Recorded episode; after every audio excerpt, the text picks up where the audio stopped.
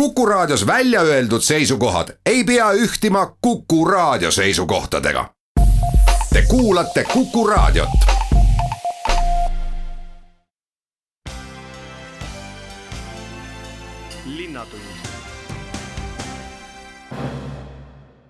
Tere ja kena neljapäeva, head Kuku raadio kuulajad. alanud on Linnatunni saade ja järgneva tunni aja jooksul vaatame, mis pealinnas uudist. mina olen saatejuht Rein Pärn. koroonaviiruse leviku tõkestamiseks on äh, igal pool Eestis äh, kehtestatud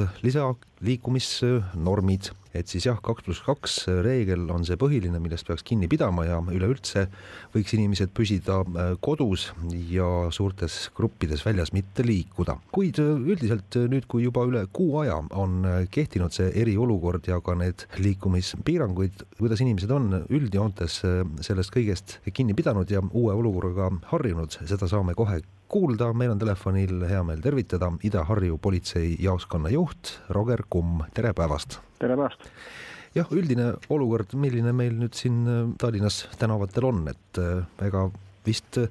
väga palju massides ringi ju ei liiguta, aga kas neid, ütleme, eksimusi tuleb ikka ette? no eksimusi tuleb ikka ette, aga pigem jah, kiidaks ikka inimesi, et inimesed on selles mõttes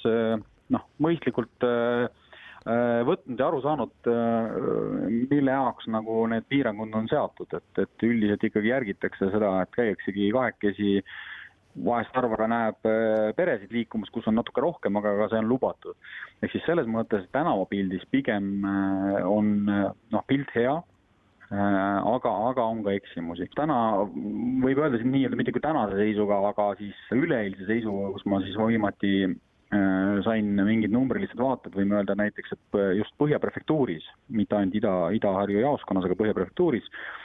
oli tehtud äh, ligilähedal kolme tuhande, kolme tuhande sellise noh, suulise vestluse ringis, aga mis, mis on nii-öelda äh, kus me registreerisime siis selle vestluse kodanikuga. ja see vestlus oli pigem selline, kus oli mingisugune ilming äh, rikkumisest, aga, aga see ei tähenda alati, et, et see mm, rikkumine oleks olnud nagu äh, Äh, selline, kus sa näed, et inimene nagu tahtlikult seda teeb, pigem selline, kus võib-olla hinnati neid äh, vahesid äh, väi-, noh, kuidas öelda, vale, valesti, jah, seda rahvamassi. enamasti nad ongi seotud olnud selliste populaarsemate kogunemiskohtadega. tänaseks võime öelda julgelt jälle, et see on nagu, see, see, see number on siis sellest eriolukorra kehtestamise hetkest. ehk me räägime juba ju kuust ajast Äh, tänaseks on ikkagi olukord juba läinud selline, et ka need kogunemiskohad on sellised, kus juba inimesed põhimõtteliselt ikkagi saavad aru, äh, mis eesmärgid on, hoitakse ka seal äh, erinevalt või juba ka välditakse, on need siis meie samm, meie need Jägala või Keila-Joa, Viru raba märgatavalt paremad olukorrad. on küll ka ilmad olnud viimastel nädalavahetustel nüüd sellised mitte nii sõbralikud või mitte nii kevadised, kui võib-olla tahaks, aga siiski on näha, et inimesed ka seal saavad aru, Äh, et need sellised gruppides äh, kogunemistega kaasnevad ka riskid ja, ja saavad aru, mis, äh, mis eesmärk on. küll aga see, kus me peame olema natukene rohkem olnud sekkuma või rohkem soovinud inimestele juhtida tähelepanu, neid on, oli siis sada kaheksakümmend kuus juhtumit registreeritud, kus me siis tegime kirjaliku ettekirjutuse. nüüd me räägime sellest, kus me juba tegelikult inimesele väga konkreetselt selgitame äh, Äh, seda rikkumise sisu nii-öelda juhime tähelepanu, äh, et kui eiratakse sellist korda, mis siis on ka need tagajärjed, ehk siis selles samas kirjalikus ettekirjutuses juba hoiatatakse selle eest, et juba järgnev kord, kui inimene rikub, äh, siis sellele kaasneb juba sunniraha määramine jah, siin on taksojuhtidelt olnud kuulda ikkagi, et noored eriti äh, korraldavad siiski hoolimata mm, nendest liikumispiirangutest ja soovitusest äh, mitte koguneda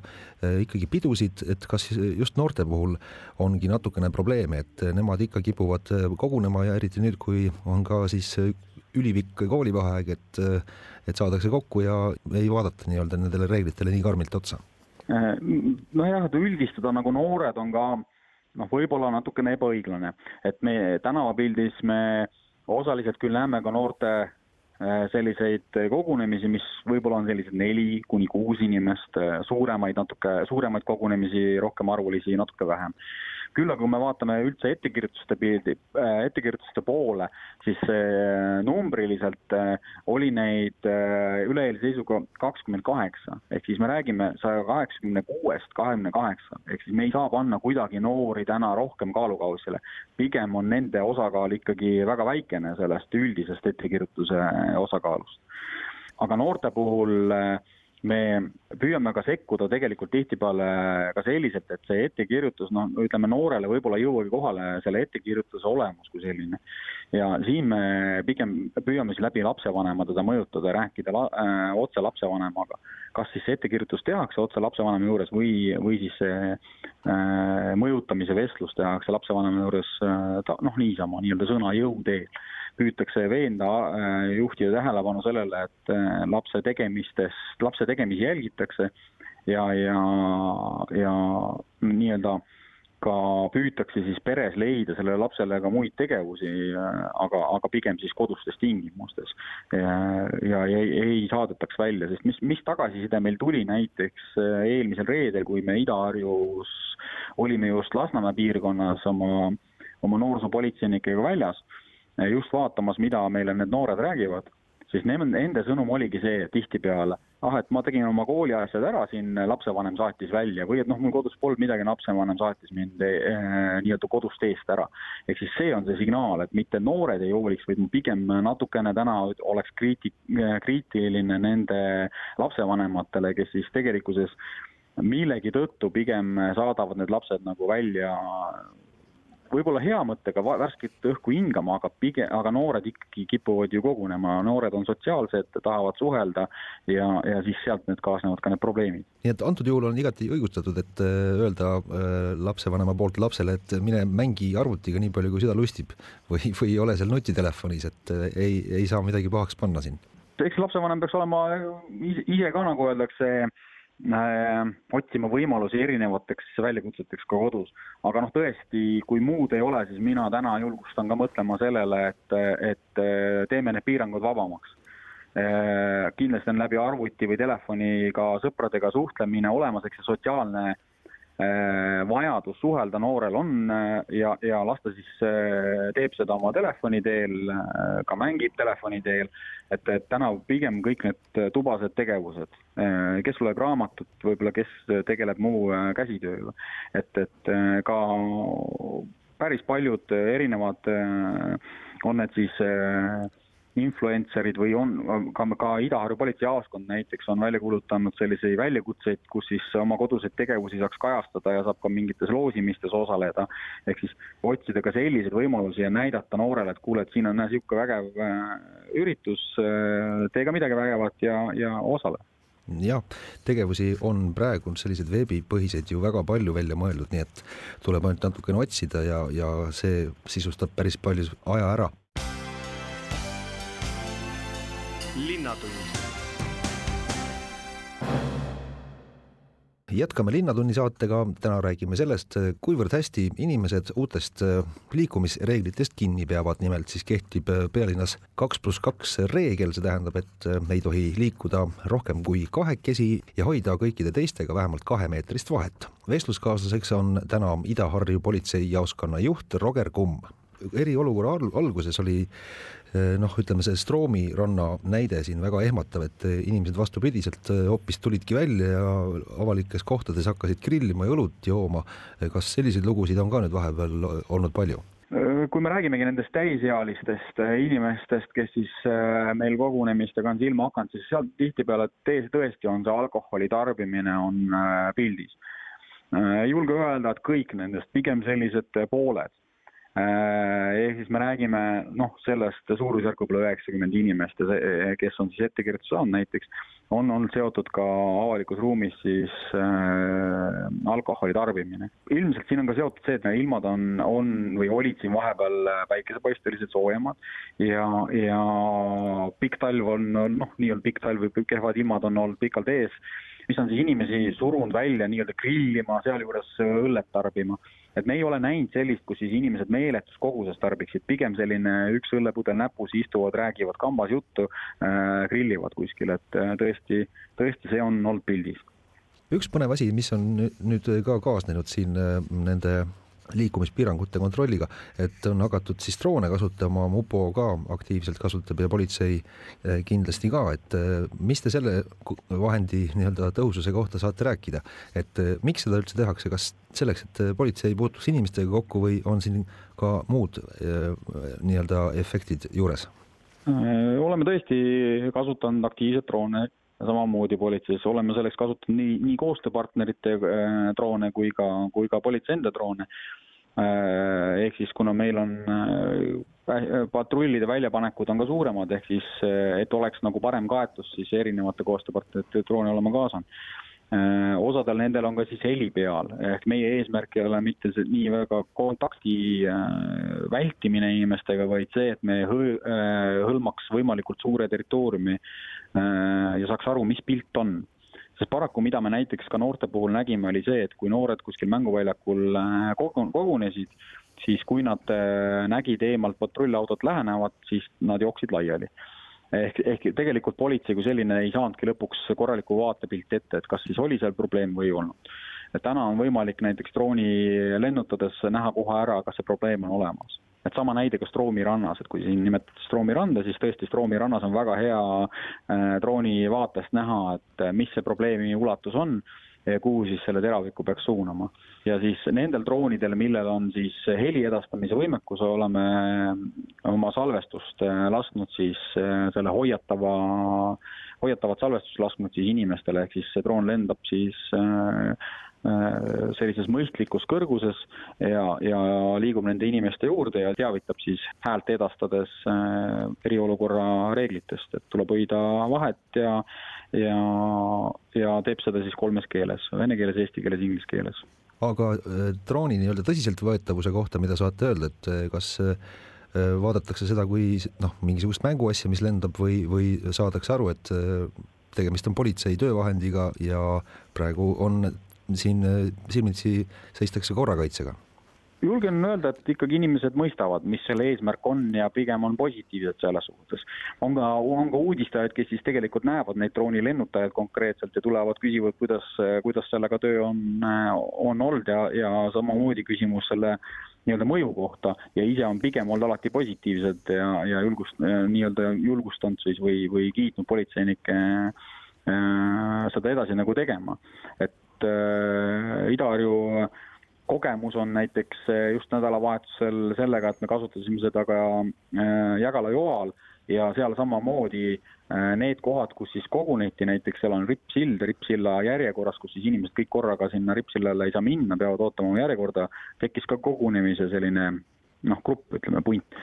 ja kui droon sinna jõudis, oma heli edastas, siis inimesed äh, reageerisid sellele ja kohe läksid, läksid laiali. ei läinud ära, vaid läksid laiali, ehk siis tekitasid endale sellesama nii-öelda nõutud äh, vahe kaks meetrit, mida oli nagu väga, väga hea näha, et, et, et ei ole mõtet alati, lihtsalt politseinikke meil kunagi nii palju ei ole, et igasse sellisesse võimalikku koonemispunkti saata, aga droon jõuab selle lennutusajaga, noh, mis on circa selline kakskümmend, kolmkümmend minutit, väga paljudes punktides selle heli ära edastada ja inimesed saavadki aru, et tegelikult on, äh, selles kohas on järelevalve ja see, see ala on märgatavalt suu-, suurem, kus see järelevalve toimub. ja järgitakse, järgitakse paremini reegleid. nii et äh, üldiselt kõik inimesed nüüd harjuvad selle uue olukorraga ja püüavad äh, siis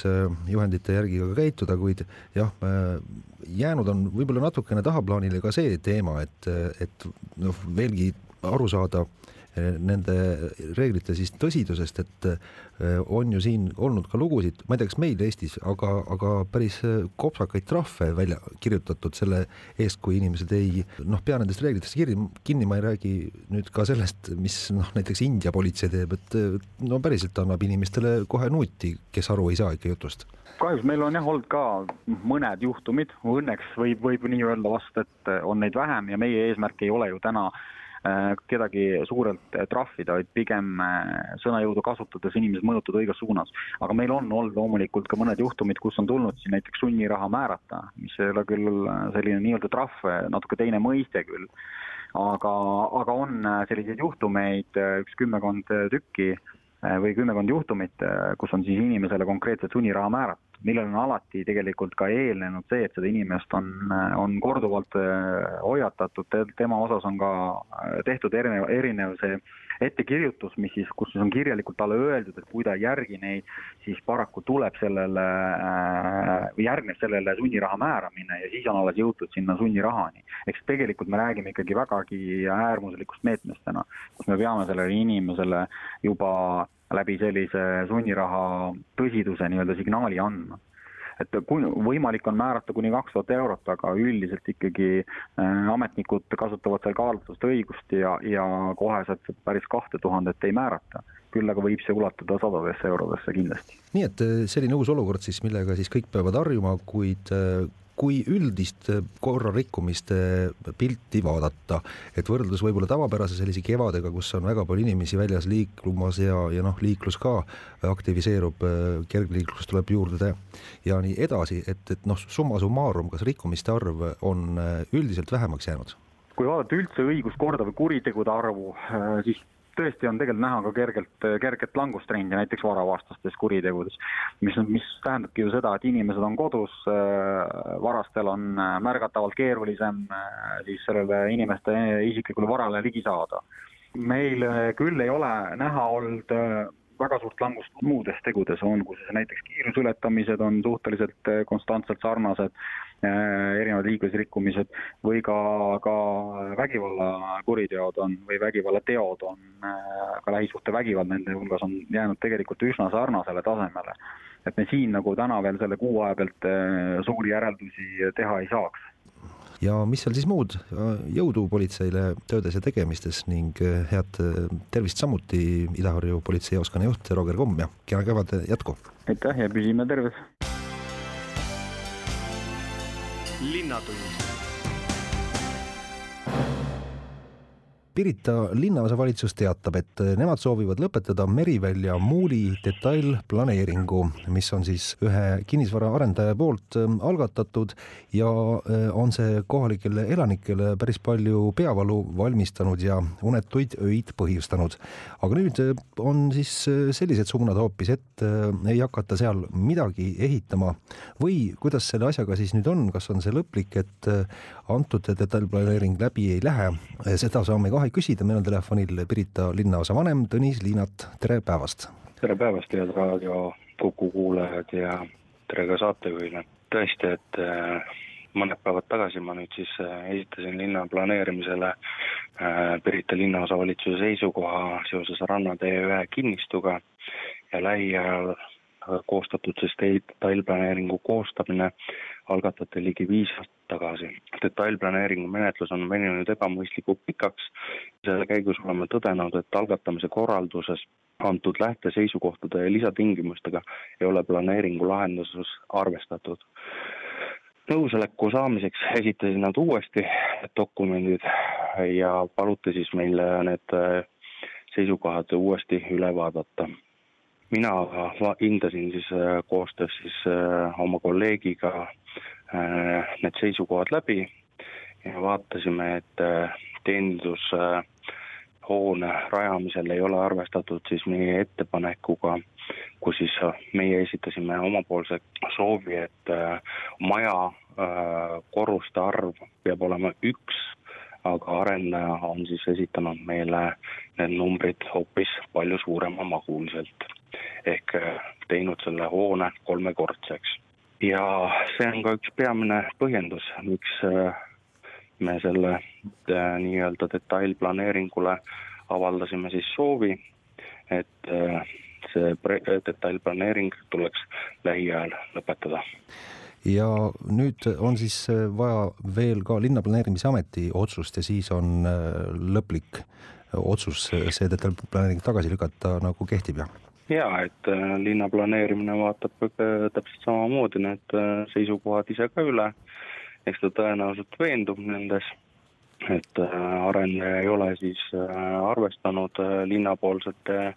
ettepanekutega ja tõenäoliselt lükatakse see projekt ka nende poolt tagasi siis võivad nüüd Pirita elanikud küll rahulikumalt nüüd natukene elada edasi teadmises, et ei hakata seda muuli sinna ehitama, ehk siis rannaala nagu täis ehitama, et see oli vist see põhiline mure kohalikel elanikel. Jaa, ei põhiline mure oligi see, et äh, nad kartsid, et see üheteistmeetrine hoone hakkab siis äh, varjutama Tallinna siluetti, äh, mida siis praegusel momendil meie ka nagu ei aktsepteeri ja mis on olnud ka minu põhiline hirm, on selle asja juures oli see, et et mina ei soovi, et meil tekiks uus nii-öelda rannahoone juhtum, kus siis äh, lubati mõned aastad tagasi äh, rannahoone asemele täpselt samamoodi rajada hotell, aga tänaseks päevaks on sinna hoopis kerkinud äh, korterelamud. Ja kas te kartsite, et midagi sarnast võib uuesti korduda jah, et ehitatakse hoopis elamuid? see, see võimalus oli tõesti olemas sellel arendajal, et sellise mahu puhul teha need siis külaliskorterite nimistute all ja, ja tegelikult siis äh, müüa need äh, nii-öelda elanikele kasutusrendiga maha. kas te küsisite ka Fausto Kapitalilt, et, on, on tõesti selline plaan, et äkki ikkagi saaks selle ühekorruselise hoone hoopis teha ja nii-öelda avalikuks kasutuseks äh, seda maa-ala või, või ei paistnud seda plaani kusagilt? no pigem me panimegi eelmisel arutelul nendele need ettepanekud mustvalgelt kirja ja, ja noh, neid nüüd muuta omakäeliselt nad ei saanud, nad pidid äh, nendega arvestama ja tänaseks päevaks, kus nad on esitanud siis meile uued dokumendid, siis selgub sealt, et äh, nende, meie ettepanekutega nad ei ole arvestanud mitte protsentigi no niimoodi muidugi ei saa ju koostööd teha, aga üldises plaanis, kas see nüüd tähendab, et äh, igasugustel kinnisvaraarendajatel äh, ei, ei tasu üldse sinna Pirita ranna ääre kanti vaatama hakatagi, et üldine seisukoht on, et see sinna ei tohiks midagi midagigi ehitada või, või mingitel tingimustel oleks see võimalik ja mingisuguseid avalikke hooneid oleks sinna veel tarvis? No iseenesest mina ühelegi arendusele nagu kätt, kätt ette ei pane, et äh, ma saan nagu arendajate ja vana ettevõtja seisukohast täiesti aru, et äh, ettevõtjad soovivad äh, kinnisvaraarendusega jätkata, kuid kindlasti nad peavad arvestama, et nad peavad tegema koostööd äh, nii kohaliku omavalitsusega kui ka kogukonnaga ja, ja kindlasti lähtuma sellest, et äh, päris nende visioon ei ole ainuke visioon, et äh, mida linn peab aktsepteerima. on see ka siis kohalike mm, seisukoht, et noh, midagi võiks ehitada, aga, aga no mitte nii massiivselt ja mitte niisuguste, ütleme, võltsplaanidega kui tegelikult arendaja oleks praegult äh, nüüd äh, need lähteülesanded ära täitnud, noh, me oleksime saanud avaliku väljapaneku uuesti teha, aga kuna ta seda ei teinud paraku, siis, äh, projekt on muutmata kujul, siis noh, ei ole mõtet uuesti vana projektiga tulla ja lehvitada, et näed, me muutsime nüüd protsentuaalselt ainult null koma viis protsenti jah, on see ainukene detailplaneering seal rannaalal praegu, mis on äh, menetluses, et või, või? jaa, ei momendil on tõesti see ainukene äh, detailplaneering ja teistele punktidele siin ette nähtud ei ole. et rannaalal on ka käimas äh, tegelikult teine detailplaneering on äh, see, et on siis Pirita puhkeranna nii-öelda rekonstrueerimise projekt, mis on siis praegu põrgatatud äh, Riigi Keskkonnaametisse hinda, ülehindamiseks. aga nüüd see Merivälja muul, kas see võib ikkagi tulevikus tulla, et kas selles kohta otseselt oli ka vastuseis või, või kuidas sellega on? kui, äh, kui arendaja nüüd äh, tuleb nende lähteülesannete juurde tagasi ja teeb need muudatused, eks me siis kaalume need uuesti läbi aga tänasel päeval äh, ta seda teinud ei ole ja oma soovi ta sellele algatanud ei ole, siis äh, kahjuks on meil väga raske momendil öelda, kas ta nüüd plaanib sinna lähitulevikus midagi rajada või mitte. Selline lugu siis äh, pikk, mitu aastat veninud teema on, paistab, et ühele poole saanud inimesed võivad vist rahulikumalt nüüd natukene hingata, suvele vastu vaadata. saame näha, kuidas Pirita edasi areneb. aitäh praegu, Tõnis Liinat, selle jutu ajamise eest. soovin kena päeva jätku ja jõudu ja tervist loomulikult ka. Teilegi, head raadiokuulajad. linnatund räägime ka Haabersti linnaosa uudistest, täpsemalt Haabersti linnaosa valitsus ja munitsipaalpolitsei tegid Astangul eh, kahel eramaal eh, väikese kontrollkäigu ja tuvastati seal, et eh, kaks kinnistut on üsnagi prügistatud ja toimub seal üks huvitav ebaseaduslik tegevus. kuid mis siis äh, täpsemalt tuvastati ja milles see ebaseaduslikkus seisneb, seda saame kohe küsida, meil on telefonil Haabersti linnaosa vanem Andre Hanimägi, tere päevast! tervist! olge hea, rääkige, mis ringkäigu te äh, tegite koos äh, mupoga ja mida erilist silma hakkas? Jah, noh, kevad toob kahetsusväärselt alati välja kohad, kus on väga palju prügi. Ja kui üldiselt varasematel aastatel on ju tehtud talguid sellel perioodil, siis tänavu eriolukorra tõttu neid teha ei saa.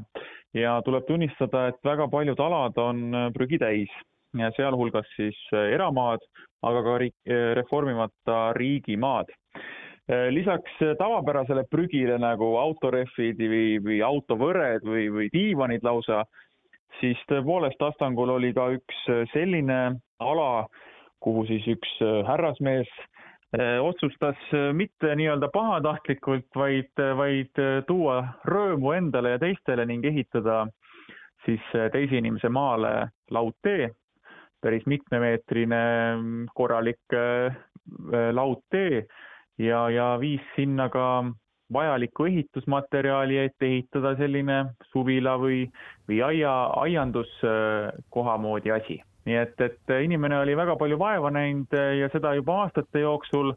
aga nüüd üsnagi hiljuti, mõned kuud tagasi elanikud hakkasid linnaosavalitsuse poole pöörduma,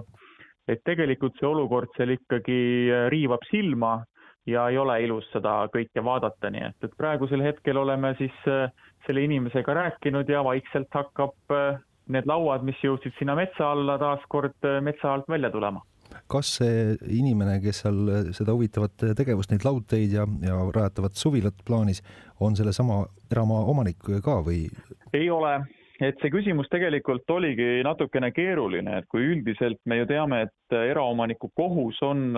enda maad koristada, siis antud juhul äh, ei saa seda justkui ka eraomanikult nõuda, sellepärast et nii linnaosavalitsus, mupo kui ka eraomanik ise teadis, äh, kes see inimene on, kes on selle äh, prügi sinna viinud, nii et, et meie roll oligi praegu siis olla selline vahendaja ja, ja rääkida nii selle prügi viijaga kui eraomanikuga ja leida mingisugune lahendus. et praegu ma loodan, et see lahendus on leitud ja inimene on mõistnud, et päris nii need asjad ei käi et äh, olgu ükskõik kui hea soov või tahe olemas,